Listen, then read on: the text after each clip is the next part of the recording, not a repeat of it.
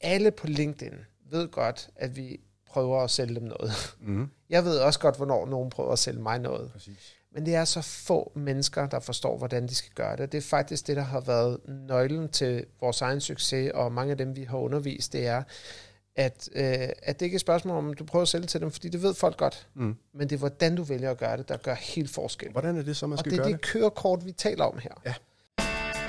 Velkommen til Salgsradio, din podcast, der handler om salg i den digitale tidsalder. I denne sæson stiller vi skarp på, hvordan du kan booste dit B2B-salg markant ved at integrere LinkedIn i din salgshverdag. Men der er også andre grunde til, at du skal lytte med. For du kan ikke uddanne dig til at være god til salg på samme måde, som du kan uddanne dig til tømrer eller ingeniør. Og er der ikke noget salg, jamen så er der ikke nogen virksomhed. Det vi kan love dig er, at du får en masse konkrete værktøjer, tips og tricks, som du kan bruge lige med det samme på LinkedIn.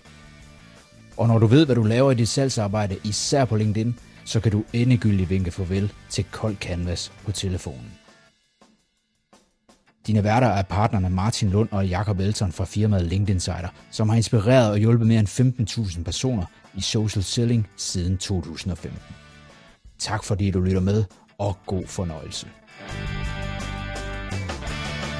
Hej og velkommen til. I den her episode, der skal vi snakke om sådan din mindsetting og den mentale ramme omkring dit, din LinkedIn-adfærd.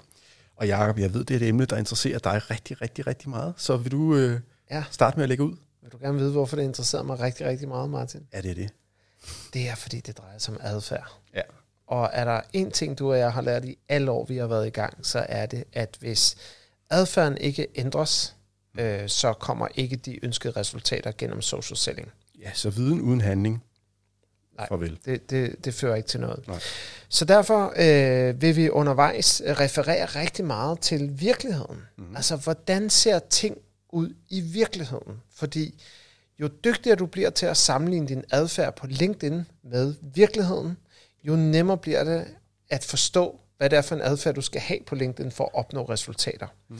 Og der kan vi jo allerede sige her, at vores gamle gode stenalderhjerne, som er plus 300.000 år gammel, eller 200.000 år gammel, det er også lige meget, det er mange år, Mm. den er slet ikke optimeret til at være på sociale medier. Den er faktisk ikke optimeret til at sidde på en skærm. Nej, overhovedet. Over, overhovedet ikke. Vi skulle, altså ifølge den hjerne, der skulle vi jage eller, eller flygte, eller ja. lave noget, noget mad på en mark. Eller vi frøs. Ja, ja, et Ja. eller andet, ikke? Øh, vi er slet ikke glade til det her samfund, vi lever i. Nej, og man kan sige, at en af de største problemer, LinkedIn har, som alle andre sociale medier har, Martin, det er, at de giver os sgu ikke kørekort i brugen af det. De giver os adgang til det, men de giver os ikke kørekort, fordi de tjener penge på, at vi får dopaminudløsning, så vi vil trykke på nogle flere reklamer, som gør, at de bliver multimilliardærer. Mm. Og så kan man sige, at det er fair nok, så man sige, det er jo ikke deres skyld, at vi render rundt med sten eller hjerner. Nej, nej. Men det er vores ansvar.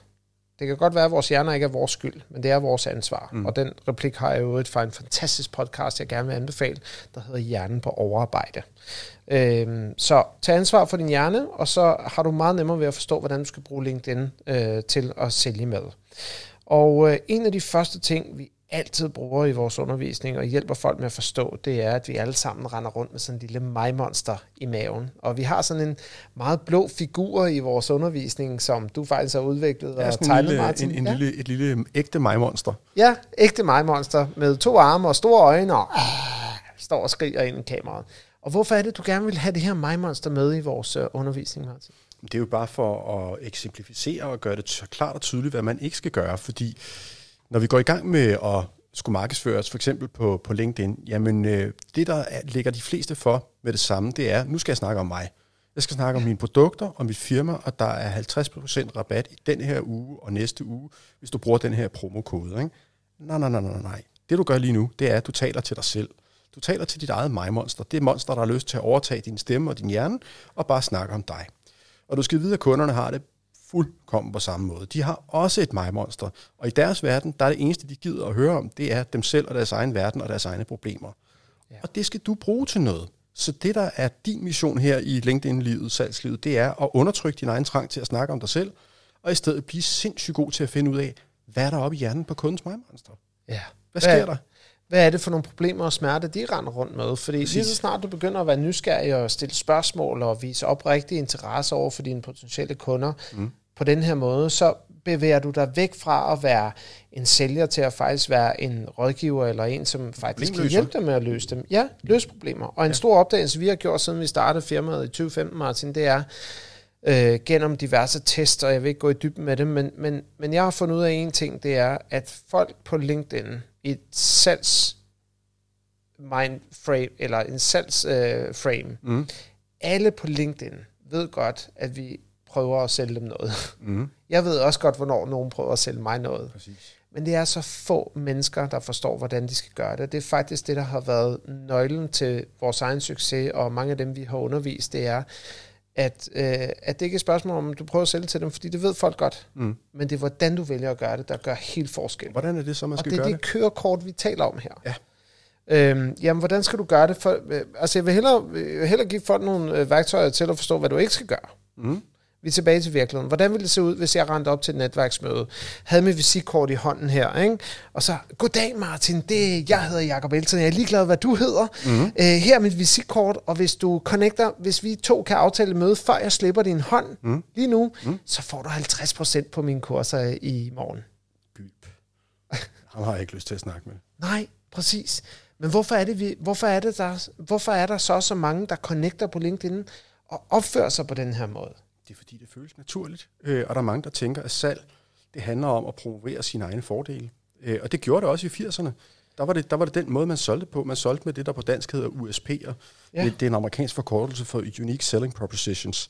Ja. Øh, det var det, man kommunikerede, og så kommunikerede man meget i features, attributes and benefits ved produktet. Så der var simpelthen nogle formler og nogle buzzwords for, hvordan kan jeg omtale mig selv positivt. Ja. Det er der bare ikke nogen, der gider at høre på længere. Ikke før det er relevant for dem. Altså, jeg, jeg synes i gamle dage, at tv-shoppen var vældig morsomt at se, fordi jeg var søvnløs om natten, så så Ja. jeg tv-shoppen, ikke? Og det er jo virkelig mig, mig, mig, mig, mig, og se vores produkt, og hvis du kører to, så har du også en til bilen, og en til din farmor, ikke? Ja. Intet handler om mig. Nej. Og, og det, var, det var så også det eneste tv, der var midt om natten dengang. Ja, det var sådan en anden side af historien. så øh, det vi kan blive enige om her, det er, at du skal beholde dit produkt i lommen, ja. Øh, indtil det bliver relevant at tale om. Og den bedste måde at komme dertil, det er faktisk, at du stiller nogle spørgsmål, så du finder ud af, hvor relevant er det at sælge til den her person.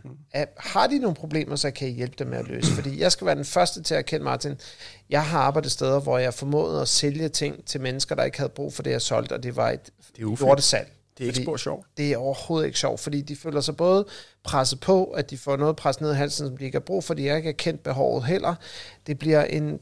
Det, alle parter taber i den her situation, mm, mm, mm. og det er ikke særlig fedt. Og det er også meget gammeldags. Ja, og der har jeg faktisk en historie fra en af vores tidligere kursister. Øh, han havde en grundregel. Mm.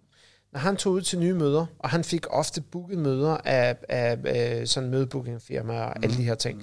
Når han rendte ud til mødet, så sagde han, jeg tager aldrig mit produkt op af lommen, før jeg minimum har grint én gang med kunden. Ja. Ved du, hvad resultatet var? Det var, at, salg. hvad? Masser af salg. Ja. Øhm, og det han ofte oplevede, det var, øh, for jeg stillede ham et spørgsmål og sagde, hvad sker der så, hvis du, øh, hvis du først griner efter 50 minutter, og der kun er 10 minutter tilbage at møde? Han sælger stadigvæk. Nå, men han sagde, så booker jeg et nyt møde. Ja. Og hvorfor tror du, han booker et nyt møde? Det hele går ud på, at man skal have en relation, før man kan sælge noget. Ja. Øh, og dem, der prøver at sælge noget uden en relation, det er dem, der irriterer os. Vi kender dem alle sammen. Ja. Og da han kom tilbage til næste møde, så sidder kunden der, den potentielle kunde, købeklar, fordi han føler et eller andet sted, han har spildt øh, sælgerens tid for i møde, mm. hvor de øh, ikke havde tid til at tale om produktet, som han egentlig kom for. Men de havde haft det utrolig hyggeligt over øh, 14 kopper kaffe. Præcis. Og Så- hvem vælger man så? Ja, Altså, præcis. ja. Så det er rigtig vigtigt, at du har øje for, at, at det drejer sig altså ikke om, om det produkt, du skal afsætte. Og det er også her, hvor kold canvas ofte bliver et problem, fordi når de ringer ud, så starter de altid med at sige, at de starter med at spørge, om det forstyrrer. Og jeg har det bare sådan, hvornår du sidst ringede til nogen og stillede et spørgsmål, hvor svaret var, nej, jeg sad og ventede på dit opkald. ja, det, det sker jo ikke. det sker ikke.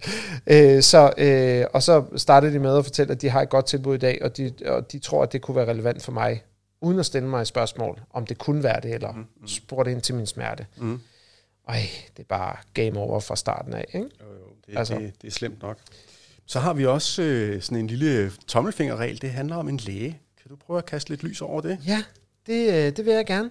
Øhm, jeg kan jo starte med at spørge dig, at øh, hvis, øh, hvis du nu øh, kom ind i en lægeklinik, Mm-hmm. Og der hang et skilt, efter du har scannet dit øh, sygesikringskort, hvor der så står, at lærerne i klinikken ikke er uddannet. Mm-hmm.